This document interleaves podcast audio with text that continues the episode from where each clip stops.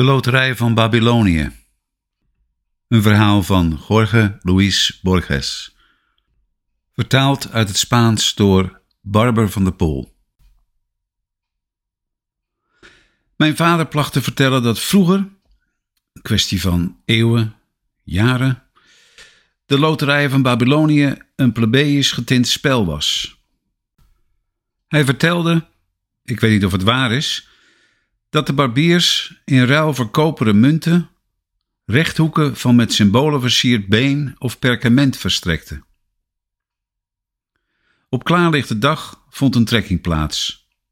De winnaars ontvingen, zonder ander bewijs van geluk, uit zilveren geslagen munten. De gang van zaken was elementair, zoals u ziet. Uiteraard mislukten die loterijen hun morele waarde was nihil. Ze richtten zich niet op alle vermogens van de mens, uitsluitend op zijn hoop. Ten overstaan van het onverschillige publiek begonnen de kooplui die dergelijke corrupte loterijen hadden opgezet hun geld te verliezen. Iemand beproefde een hervorming, de invoering van een stuk wat ongunstige loten op de lijst gunstige nummers. Door die hervorming liepen de kopers van genummerde rechthoeken de dubbele kans een som geld te winnen en een soms aanzienlijke boete te betalen. Dit geringe gevaar, op iedere dertig gunstige nummers was er één ongeluksnummer, wekte uiteraard de belangstelling van het publiek. De Babyloniërs stortten zich op het spel. Wie geen loten kocht, werd beschouwd als een bangerik, een lafaard. Met de tijd werd die gerechtvaardigde minachting dubbel zo groot. Wie niet speelde, werd veracht, maar ook de verliezers die hun boete betaalden, werden veracht. De maatschappij, zo begon men haar te noemen, moest over de winnaars waken die hun prijzen niet konden innen als in de geldkisten bijna het volledige bedrag van de boetes ontbrak. Zij deed de verliezers een proces aan. De rechter veroordeelde hen tot betaling van de oorspronkelijke boete en de kosten, of enkele dagen gevangenis. Ze kozen allemaal voor de gevangenis, ten einde de maatschappij te ontmoedigen. Uit dat gesnoef van een handvol mensen komt de almacht van de maatschappij voort, haar kerkelijke, metafysische belang. Kort daarop lieten de loterijberichten de opsomming van boetes achterwege en beperkten zich ertoe de dagen van gevangenschap die voor ieder ongunstig nummer stonden, bekend te maken. Die bondigheid, destijds vrijwel onopgemerkt, was van kapitaal belang. Het was voor het eerst dat niet-geldelijke elementen hun intrede deden in de loterij. Het succes was groot. Op aandrang van de spelers zag de maatschappij zich genoodzaakt het aantal ongunstige nummers te verhogen. Iedereen weet dat het volk van Babylonië erg verknocht is aan logica en zelfs aan symmetrie. Het was niet logisch dat de fortuinlijke nummers werden omgerekend in ronde munten en de onfortuinlijke in dagen en nachten gevangenis. Een paar moralisten redeneerden dat het bezit van munten niet altijd gelukkig maakt en dat andere vormen van geluk misschien directer zijn. Een nieuwe vorm van onrust deed opgeld in de arme wijken. De leden van het priestercollege vermenigvuldigden hun inzet en genoten alle schommelingen van de angst en de hoop. De armen wisten zich, met begrijpelijke en onvermijdelijke afgunst, uitgesloten van die kennelijk verrukkelijke op- en neergang. Het gerechtvaardigde verlangen dat iedereen, arm en rijk, op gelijke wijze deel zou mogen nemen aan de loterij, veroorzaakte een verontwaardigde opschudding, waaraan de herinnering niet door de jaren is uitgewist. Sommige stijfkoppen begrepen niet, of fijnzen niet te begrijpen, dat het ging om een nieuwe orde om een noodzakelijke historische etappe. Een slaaf stal een karmijnrood biljet dat hem bij de trekking de eer verschafte zijn tong te laten verbranden. Het wetboek legde diezelfde straf op aan iemand die een biljet stal. Sommige inwoners van Babylonië redeneerden dat hij het brandijzer verdiende in zijn hoedanigheid als dief. Anderen, grootmoedig, dat de beul het hem moest toedienen omdat het lot zulks had bepaald. Er waren relletjes. Het kwam hier en daar helaas tot bloedvergieten. Maar uiteindelijk legde het volk van Babylonië zijn wil op, ondanks het verzet van de rijken. Het volk verwezenlijkte zijn edelmoedige doeleinden ten volle. In de eerste plaats kreeg het voor elkaar dat de maatschappij de totale publieke macht aanvaardde. Die eenwording was noodzakelijk gezien de omvang en complexiteit van de nieuwe aanpak. In de tweede plaats bereikte het dat de loterij geheim, gratis en algemeen werd. De verkoop van loten tegen betaling werd afgeschaft.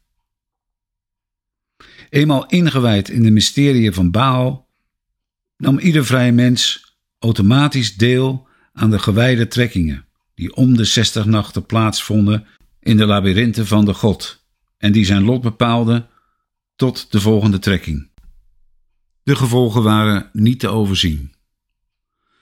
Een gelukkige uitkomst kon iemands verheffing bewerkstelligen tot de raad van magiërs, of de gevangenschap van een publieke of persoonlijke vijand, of de ontmoeting in het vredige duister van zijn kamer met de vrouw die een beginnende onrust in ons teweeg brengt, of die we niet verwachten terug te zien.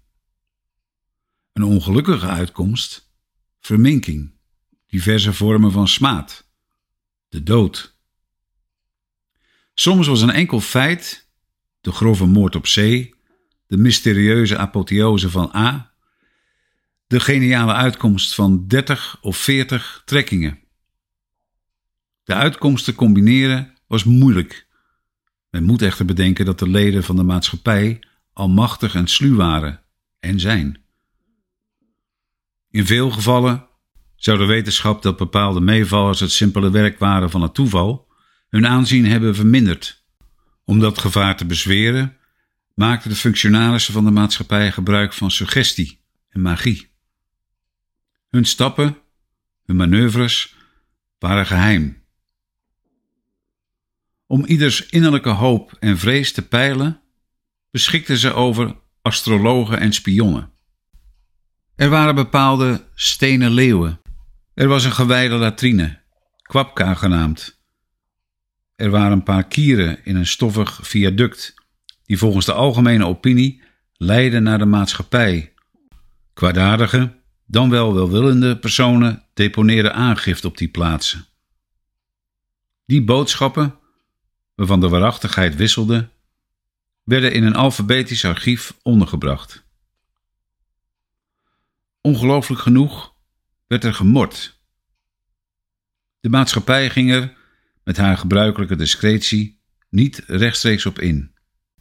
Zij gaf er de voorkeur aan op de resten van een maskerfabriek een kort standpunt te krabbelen dat nu deel uitmaakt van de gewijde geschriften.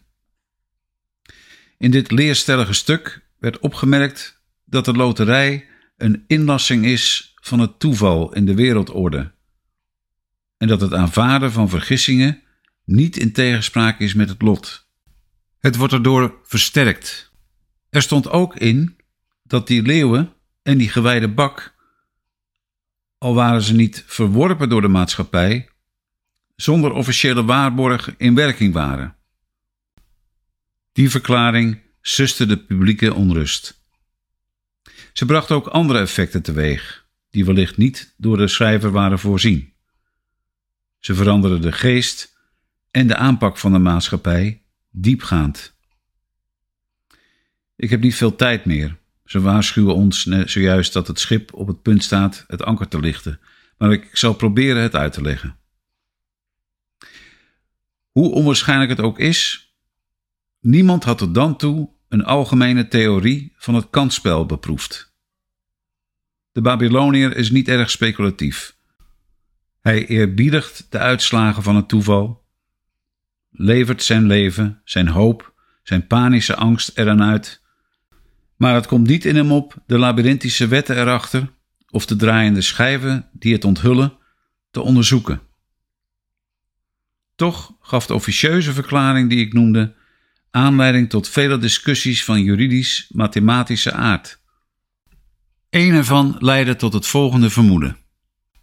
Als de loterij een intensivering van het toeval is, een periodieke scheut chaos in de kosmos, zou het dan niet beter zijn als het toeval invloed had op alle fasen van de trekking en niet op maar één? Is het niet belachelijk dat het toeval de dood van iemand kan voorschrijven en dat de omstandigheden van die dood, terughoudendheid, publiciteit, de termijn van een uur of een eeuw, niet onderhevig zijn aan het toeval? Dergelijke zeer terechte bedenkingen brachten uiteindelijk een behoorlijke hervorming teweeg, waarvan alle complicerende factoren, nog verergerd door een praktijk van eeuwen, slechts door een handvol specialisten wordt begrepen. Maar ik zal een samenvatting proberen te geven, al is het maar op symbolische wijze. Laten we ons een eerste trekking voorstellen die de dood van een man voorschrijft. Om die te voltrekken wordt overgegaan tot een andere trekking, die, stel, negen mogelijke uitvoerders aan de hand doet. Van deze uitvoerders kunnen er vier een derde trekking initiëren die de naam van de beul zal uitwijzen. Twee kunnen het onfortuinlijke bevel vervangen door een fortuinlijke, stel het vinden van een schat.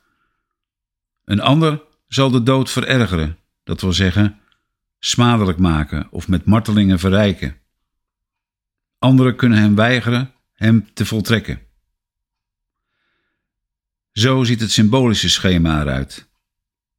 In werkelijkheid is het aantal trekkingen oneindig. Geen enkele beslissing is definitief. Ze vertakken zich stuk voor stuk in andere. Onwetende veronderstellen dat oneindig veel trekkingen oneindig veel tijd vereisen. In werkelijkheid is het genoeg dat de tijd oneindig deelbaar is, zoals de beroemde parabel van de wedloop met de schildpad leert. Die oneindigheid harmonieert op wonderbaarlijke wijze met de kronkelige getallen van het toeval en met het hemelse archetype van de loterij die de platonische aanbidder